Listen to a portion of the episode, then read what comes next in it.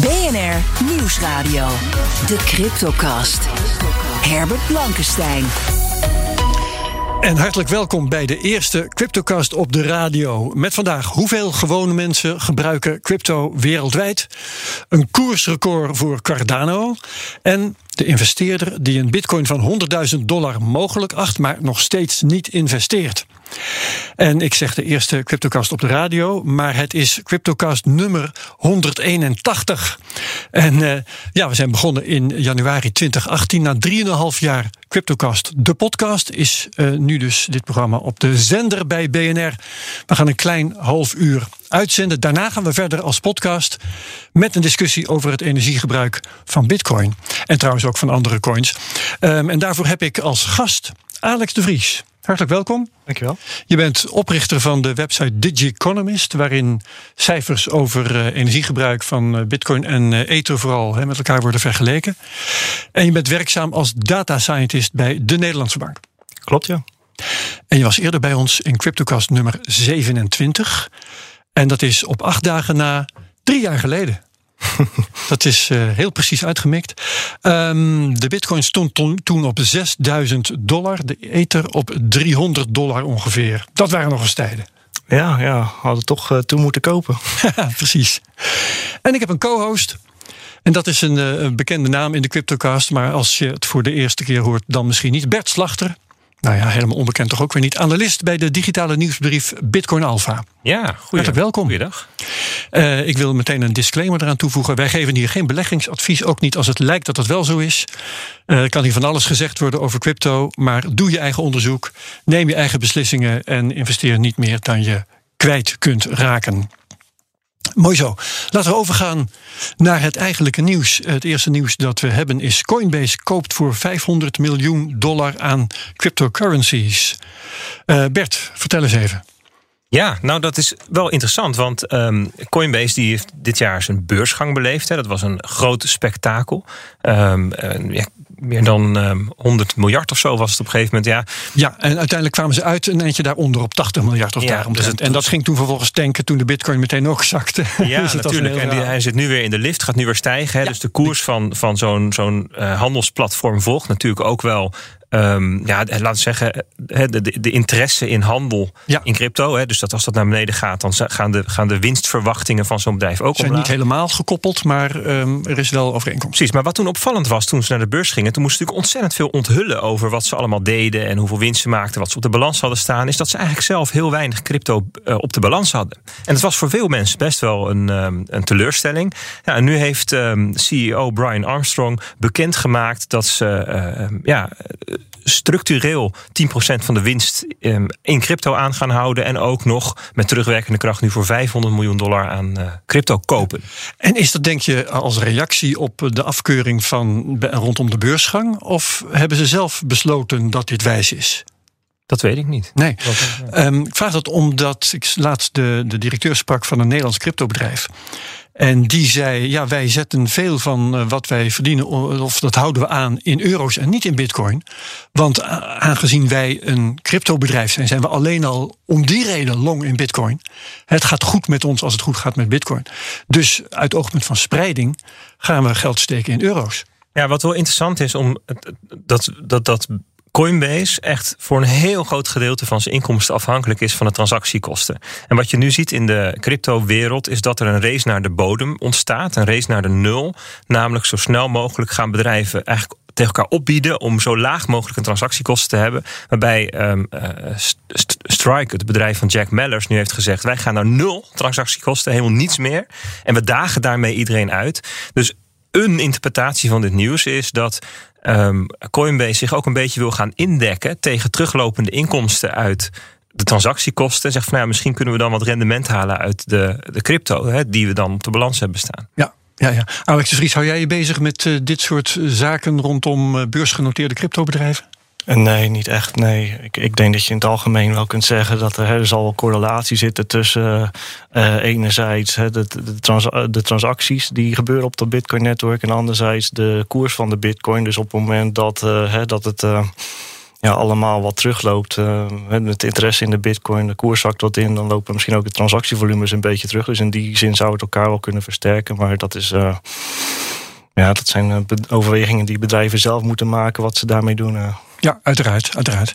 Um, zijn trouwens nog steeds uh, een toenemend aantal bedrijven hè, die, uh, die uh, in feite beleggen in bitcoin. Gewoon bitcoin kopen om aan de, op de balans te houden. Of um, ze op een andere manier krijgen. Want er zijn intussen ook al voetbalclubs die gesponsord worden door cryptobedrijven. En een deel van hun sponsorgeld in bitcoin krijgen en ook aanhouden. Ja, zo is het. Ja, oké. Um, volgende nieuws. Dat gaat over um, uh, het gebruik van cryptocurrency door normale bedrijven. Er is een uh, onderzoek gepu gepubliceerd door uh, Chainalysis, als ik me niet vergis, um, dat daarover gaat werd. Ja, dat klopt. Ja, dat is wel een, een interessante rapport wat zij hebben geschreven. Het heet The Geography of Cryptocurrency. Dus hoe is dat nou geografisch over de aarde verdeeld, het gebruik? En zij noemen dat dan um, het gebruik door gewone mensen, ordinary people. Dat is eigenlijk waar ze naar op zoek waren. En wat ze dus gedaan hebben is, um, nou even een stapje terug. Chainalysis is een, een bedrijf dat de blockchain en de transacties erop analyseert. Ja. Die dat ook doen voor bijvoorbeeld um, rechercheurs, dus politiediensten die criminaliteit willen opsporen.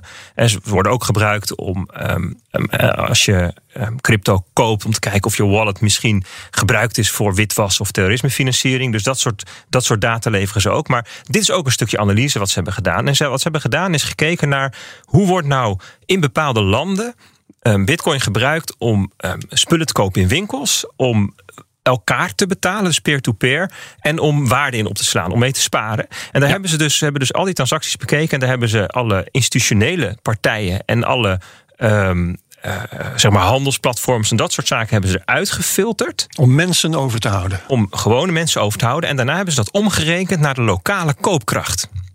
En want laten we zeggen, um, één bitcoin, dat is voor een uh, Amerikaanse miljonair misschien niet zoveel. Mm -hmm. Maar dat is wellicht net zoveel als een heel dorp bezit in Nigeria. Dus dan moet je natuurlijk wel, als je wil kijken van hoe zit het nou met de adoptie, met het dagelijks gebruik, wat het betekent voor mensen, ja. moet je die omrekening ook maken. Dat hebben ze gedaan. En het heel interessante is dan dat je bovenaan in die lijst landen tegenkomt als Vietnam, India, Pakistan, Oekraïne, ja, Kenia, Nigeria, Nigeria Venezuela. En dan krijg je op plek 8 de Verenigde Staten. En er komt geen enkel Europees land in die top 20 voor.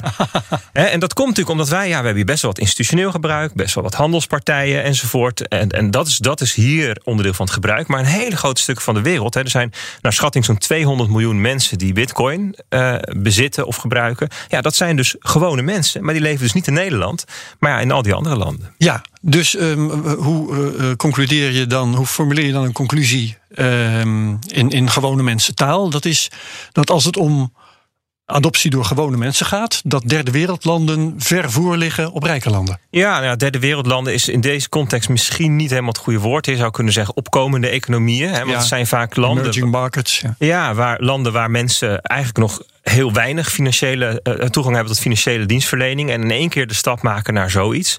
Um, het zijn landen waar mensen leven onder dictators of onder 20, 50, 100 procent inflatie. En dat, die hebben natuurlijk een wat, wat sterkere prikkel om iets te zoeken, iets, een alternatief te zoeken.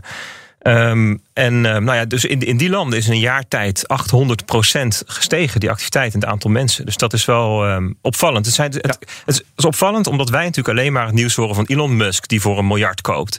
Hè? Maar de adoptie van het afgelopen jaar is dus niet alleen maar die grote bedrijven en die grote miljonairs, maar dat bevindt zich dus in, in percentages nog veel meer op al die kleine, gewone mensen wereldwijd. Ja, um, jij zegt 800% uh, groei in een jaar. Uh, ik heb uh, een grafiek be bekeken die in dat onderzoek stond. En daarin viel me op dat de groei in het laatste kwartaal nul is geweest. Klopt. Dat vond ik zeer verbazend. Kun je dat uitleggen? Ja, dus die, die, dit is eigenlijk een meting per einde kwartaal. Hè. Dus kwartaal 1 was een sterke stijging ten opzichte van kwartaal 4 vorig jaar. Hè. Dus dat is de groei binnen het eerste kwartaal. En in, blijkbaar is in het tweede kwartaal dat um, ja, min of meer gelijk gebleven. En dat zou dus kunnen zijn dat er toch allerlei mensen um, af. Hè, dat er afgeschikt zijn. Misschien in China. Hè. China had, ja. zat best wel hoog, nummer 4 in die lijst en nu een stuk lager. Dus daar is misschien een stuk door, hè, door het verbod op mining en nou ja, andere acties ja, toch een stuk Verbod op transacties, al, al dat soort dingen. Ja, dat is uh, gaande in China op dit moment. Ja. Laten we gaan naar de uh, prijzen. Want uh, jij zit hier nu. Uh, je bent hier fysiek aanwezig. Maar je zult vanaf nu in de CryptoCast op de radio. elke week de prijzen bespreken. En nu je hier toch bent, kun je dat meteen ook mooi doen. Um, om uh, mijn eigen uh, ervaringen van de afgelopen week even samen te vatten. Uh, Bitcoin is weer aan een aardige opmars bezig, Ether ook. Maar er zijn er een paar andere die nog veel meer spektakel leveren op dit moment. Cardano en bijvoorbeeld Solana. Ja, dat is opvallend hè? Ja. Ja, laten, het is de eerste keer hè, dat we nu op, op deze manier op de radio naar de markt gaan kijken. We gaan dat nu elke week doen. En het leek me aardig om, daar, om eens te beginnen, om ietsjes afstand te nemen van die markt en eens te kijken wat, waar zitten we nu eigenlijk. Hè? Daar kunnen we dan volgende weken op voortbouwen ook. we zitten nu toch wel, hè, dus denk ik de algemene, uh, het algemene beeld, midden in een boelmarkt voor Bitcoin. En dat is een periode. was even de vraag of dat zo was, hè? omdat ja. Bitcoin een beetje naar beneden zakte. Maar klopt. Een boel, nog nu. Een boelmarkt is een periode waarin je eigenlijk structureel stijgt, hè, hogere toppen en hogere bodems. Um, en die begon vorige zomer, 2020.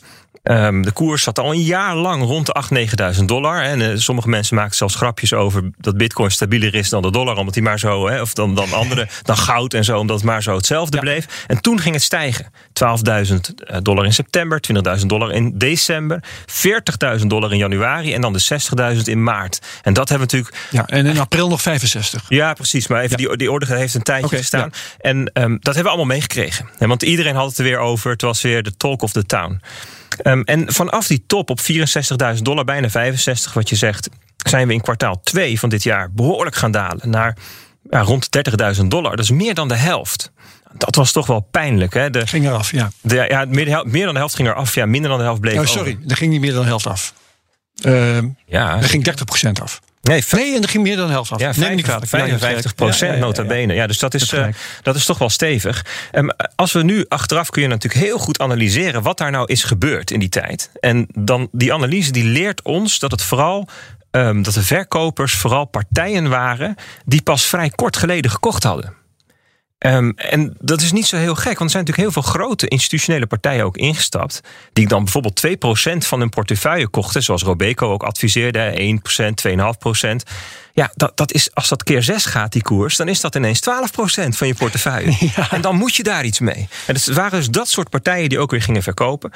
En de hele correctie hebben we gezien, de hele periode hebben we gezien dat juist de, de mensen die er al jaren in zaten, dat die bleven kopen. Dus dat zijn zowel de grote partijen die al jaren in bitcoin zaten als de kleintjes. Dus de mensen die gewoon ja, elke maand een klein beetje bitcoin kopen. Dat bleef gewoon doorgaan. En nou, dat is ook het belangrijkste signaal dat we nu nog daadwerkelijk in een boelmarkt zitten.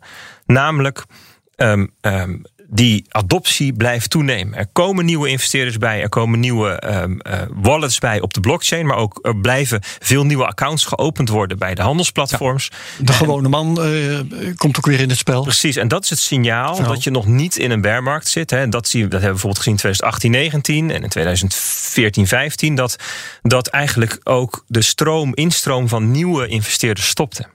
En dat is nu niet aan de hand. Dus nou ja, kijk, de, de meeste analisten verwachten eigenlijk, hè, de koers zit nu rond de 50.000 dollar, dat we in de komende maanden verder gaan stijgen naar rond 60.000. En dat er ook in het najaar uh, nog veel verder omhoog gaan. Omdat die boelmarkt er gewoon nog is. En dat de koers uiteindelijk adoptie volgt. Hè. Dat is denk ik de, de belangrijkste hypothese van het verhaal. Ja, het is heel spannend. Um, ik wil het ook nog even hebben, uh, want we moeten, omdat dit radio is, anders dan podcast, op de tijd gaan letten. Um, Cardano. En ik kijk ik ook eventjes naar uh, Alex. Want uh, Cardano is uh, een ander soort munt dan Bitcoin. Hè? Is dat er ook eentje met een hoog energieverbruik? Ik dacht het eigenlijk niet, hè? Nee, het is op dit moment de grootste munt zonder hoog energieverbruik, omdat zij niet op proof of work zitten, zoals de Bitcoin en Ethereum. En als je geen proof of work draait, dan is het energieverbruik ook per definitie een stuk lager, omdat je geen enkele reden hebt om energieslurpende machines in het netwerk te hebben zitten. Dus je zou kunnen zeggen dat uh, Cardano in vergelijking met uh, bijvoorbeeld een Bitcoin of Ethereum uh, in verhouding 99,95% minder energie nodig heeft. Als ze dezelfde waarde zouden hebben. En Cardano is nog wel een stuk kleiner.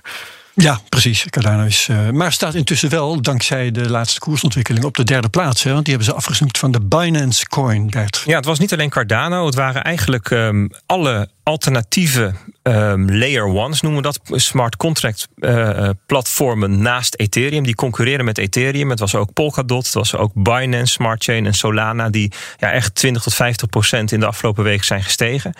Um, en dat is toch wel een interessante ontwikkeling. Hè. Wat we zien gebeuren de laatste weken en laatste maanden is dat er steeds meer toepassingen zichtbaar worden van decentrale technologie van de unieke digitale bezittingen zoals NFT's en financiële dienstverlening. Non-fungible tokens. Hè, de... ja, allemaal dat soort dingen. En je ziet dat investeerders zeggen, ja weet je, eh, wat daar precies gaat gebeuren weten we niet. Maar de infrastructuur daaronder, daar willen we wel in zitten. En Ethereum is by far de grootste. Misschien nog wel honderd keer zo groot als die andere als je kijkt naar feitelijk gebruik. Ja, de marktkapitalisatie is het een factor 4 of zo. Klopt, dat is veel kleiner. Maar als je kijkt naar daadwerkelijk gebruik, aantal gebruikers, um, aantal uh, uh, projecten dat erop op zit enzovoort dan is Ethereum veel groter. En toch denken investeerders, laten wij ook eens kijken wat die anderen misschien wel gaan doen. Blijkbaar. En dus het is eigenlijk wat dat betreft ja, wat meer experimenteel in de technische kant en wat meer speculatief aan de investeringskant. Ja, ja. En die uh, um, de coins die nu zo eh, fel omhoog gaan, uh, dat zijn inderdaad zonder uitzondering Ethereum killers, hè? om het maar zo te zeggen. Ja, dat denken ze zelf. Dat willen ze zelf. Dat denken ze zelf. Ja. ja. Maar neem een Cardano, dat is op dit moment gewoon zo'n zo'n Chinese spookstad. Er staan een hele hoop huizen, maar er gebeurt helemaal niets. Oké, gaan we het uh, in de toekomst volgens mij nog wel eens over Zeker, hebben. Ja. Um, nog eventjes wat uh, human interest. Ik wil het hebben over Peter Schiff. Um, een bekende investeerder en ondernemer um, die altijd uh, heeft gezworen bij goud. Uh, hij zat in een podcast, de Coin Stories podcast. En daarin maakte hij bekend dat hij uh, eigenlijk een bitcoin van 100.000 dollar wel tot de mogelijkheden vindt behoren. Laat ik even horen. It, it, it certainly could do it. I mean, it's not that big a stretch. I mean, it went to 65,000. So if it can go to 65,000... it could go to a million. It's hard to say. I mean, let's say it's at least, let's say it's a 50 50 shot. I really don't know, you know, because anything can happen. But I wouldn't want to bet on it because I think there are other assets that I could own that could have a similar appreciation. Uh, and I think less risk because if I'm going to admit that Bitcoin might go to 50,000, you got to admit that it might go to 5,000. It might go a lot lower than that. so there's, there's, there's, you know, a lot of risk uh, in, that, in the price forecast. Ja, en die was van de interviewster uh, een Nathalie. Um, hoe, hoe komt die redenering van Pieter Schiff op jou over, Alex? Ja, ik hou me over het algemeen weinig bezig met prijsvoorspellingen. dat, uh, dat is net zo'n beetje, dat is nog erger dan het weer voorspellen. Dat kunnen we nog wel uh, aardig, maar de bitcoin prijs voorspellen, dat is, uh, de, de prijsvoorspellingen liggen ook enorm uit elkaar. Nu zegt Pieter Schiff zegt dan 100.000. Ik geloof ARK Invest heeft een, een, een prijstarget van 500.000. Waar, waar ik mij vooral mee bezig hou is wat gaat zo'n prijs nou betekenen in termen van het energieverbruik? Omdat dat on, onlosmakelijk ja, aan elkaar gelinkt is. dan wordt mining aantrekkelijker, hè? Ja, die miners die krijgen betaald in bitcoin. En op het moment dat de waarde van de bitcoin omhoog gaat, gaan hun inkomsten omhoog. En zullen ze ook meer machines inzetten uiteindelijk om die bitcoins te minen. Dus ja, als zo'n bitcoinprijs naar 100.000 dollar gaat, dan zou dat zomaar kunnen betekenen dat dat netwerk twee keer zoveel energie gaat gebruiken als alle datacentra wereldwijd bij elkaar. Ja, dat kan natuurlijk. Um... Bert, uh, Pieter Schiff zegt, uh, als je zegt 100.000 is mogelijk, is 5.000 ook mogelijk. Ben je het daarmee eens? Ja, als je het benadert als um, welke, welke opties er allemaal zijn en verder helemaal geen enkele inhoudelijke uitspraak erover doet, dan is dat natuurlijk waar. Kijk, er zijn maar een paar prijzen echt onmogelijk, dat is oneindig en dat is nul. De, ja, want er zijn zat mensen die zeggen, nou, voor, voor 1 honderdste cent koop ik alle bitcoins op, weet je wel. Dus lager dan dat zal die nooit komen. Hè. Dus het is eigenlijk een soort van hypothetisch verhaal van hem. Mm. En dat is een spelletje wat hij eigenlijk al jaren speelt met de bitcoiners. Want dat, dat is ook een soort... Ja, hij is toch de risé van de bitcoinwereld. Hè? Degene die altijd maar zegt van, ja, het blijft een zeepbel. Ja, maar het is... Het is, het is het is ook een soort spelletje wat hij speelt. Het, is ook, het gaat ook heel erg om het merk Peter Schiff. Hè. Bedoel, is, ja, weet je, hij, hij, hij, zelf, hij zit qua gedachtegoed behoorlijk dicht bij de bitcoiners. Alleen hij is dan helemaal 100% op goud. En zijn zoon, Spencer Schiff, die is dan helemaal op bitcoin. En die zoon en vader zitten elkaar op Twitter een beetje uit te dagen. En voor rotte vis uit te maken. Dus het is, het is meer ja, entertainment eigenlijk wat hij uh, hier inbrengt dan echt uh, analyse. Exact. Oké, nou die podcast daar zullen we naar linken. Het duurt anderhalf uur en uh, ik moet moet zeggen, je luistert met plezier naar hem hoor. Hij kan goed vertellen. Ja, maar hij kan ook goed uitleggen. Hij kan ook Ja. wat dat betreft echt wel zinnige dingen melden. Maar zodra het gaat om bitcoin versus goud... dan ontstaat er altijd een soort... eh, Ajax Feyenoord Juist. eh, discussie. Goed, ehm, we gaan het eh, even hebben over het podcastgedeelte waar we zo direct mee verder gaan. De radioluisteraars, een deel daarvan zal afscheid van ons nemen, maar een deel gaat misschien wel mee naar de podcast en een ander deel hoort dit al als podcast, want dat kan natuurlijk ook nog. Ehm, Alex de Vries, waarom hebben we het eigenlijk over het energieverbruik van eh, Bitcoin? Jij houdt je daar al heel lang mee bezig. Waarom is dat belangrijk? Ja. Ja, intussen alweer eh, bijna vijf jaar. Eh, maar goed, ja, dit is een, ook een groeiend probleem. Eigenlijk naarmate de prijs van de bitcoin steeds hoger wordt... zoals we net al bespraken... neemt ook de energieverbruik van het netwerk toe. Simpelweg omdat uiteindelijk degene achter dat netwerk... de bitcoin miners die nou, die energieslurpende machines gebruiken... betaald krijgen in bitcoin... En hoe meer hetgeen wat ze minen waard wordt, ja, hoe meer machines ze gebruiken. Dus we zien dat sinds begin 2017, toen ik hiermee begon, eh, de, het energieverbruik van dat netwerk vertwintigvoudigd is. Hè. Dus eh, nu gaat het voorbij aan het hele elektriciteitsverbruik van eh, ons eigen landje Nederland. Hè, dus, nou ja, een half procent van het wereldwijde elektriciteitsverbruik. En dat begint er toch een redelijk probleem te worden, met name door de emissies die daar weer aan hangen. Hè. Dan heb je het over meer dan eh 60 miljoen ton CO2, wat eh, uiteindelijk eh, gerelateerd kan worden aan dit Bitcoin-netwerk. En dat is dan weer meer dan dat we in totaal besparen op alle elektrische voertuigen wereldwijd. Hè. Dus het gaat om een best wel Ja. behoorlijk aantal. Ja, oké, kijk ik ook even naar Bert, want we hebben het hier in de Cryptocast ook wel vaker over gehad. En ik weet dat jij wel anders denkt over dat eh, energieverbruik van Bitcoin. Jij ziet het niet zozeer als problematisch, geloof ik. Nee, dat klopt. Eh, waarbij ik overigens niet eh, ontken dat Bitcoin energie verbruikt. Ik denk dat we wat dat betreft ehm, eh, men wereldwijd het er wel over eens is. ehm, welke orde grootte van energie er verbruikt wordt.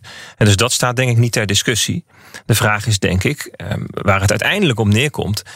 dat geldt voor alle eigenlijk technologische ontwikkelingen en alle innovaties. vinden we dat die technologie zoveel waarde toevoegt dat het energieverbruik gerechtvaardigd is. Hè? Ik bedoel, de, de, Ja. de, de lift verbruikt meer energie dan een trap. En een wasdroger meer dan een wasrek. Ehm, alle wasdrogers wereldwijd gebruiken bij elkaar veel meer energie dan bitcoin. En toch vinden zo? we dat, Is dat ja, een gecheckt dat- feit? Ja, dat is want- echt feit. Dat is zelfs nog een, Ja, dat is een grappig feit. Maar Ja. het, het aardige is dat we daarvan met elkaar hebben eh, eh, toch eh, tot consens zijn gekomen dat die wasdrogers echt zoveel waarde toevoegen dat we dat oké vinden, dat energieverbruik. En dan verschuift de discussie naar hoe wekken we dat dan op? En niet alleen de energie voor de wasdrogers of de liften of bitcoin, maar alle energie. Dus dat is eigenlijk, ehm, denk ik, waar, waar, waar voor veel bitcoiners de discussie naartoe draait: van is het waard? Vinden we het waard? Ja, nou, daar gaan we dus ehm, in het vervolg van deze Cryptocast eh, verder over praten. Met Alex de Vries van Digi Economist. Met Bert Slachter van de digitale nieuwsbrief Bitcoin Alpha. Eh, en dan nemen we dus bij deze afscheid van de radioluisteraars. eh, tot zover deze Cryptocast nummer 1 op de radio, nummer 181 als podcast. Heel graag tot de volgende week bij de volgende Cryptocast.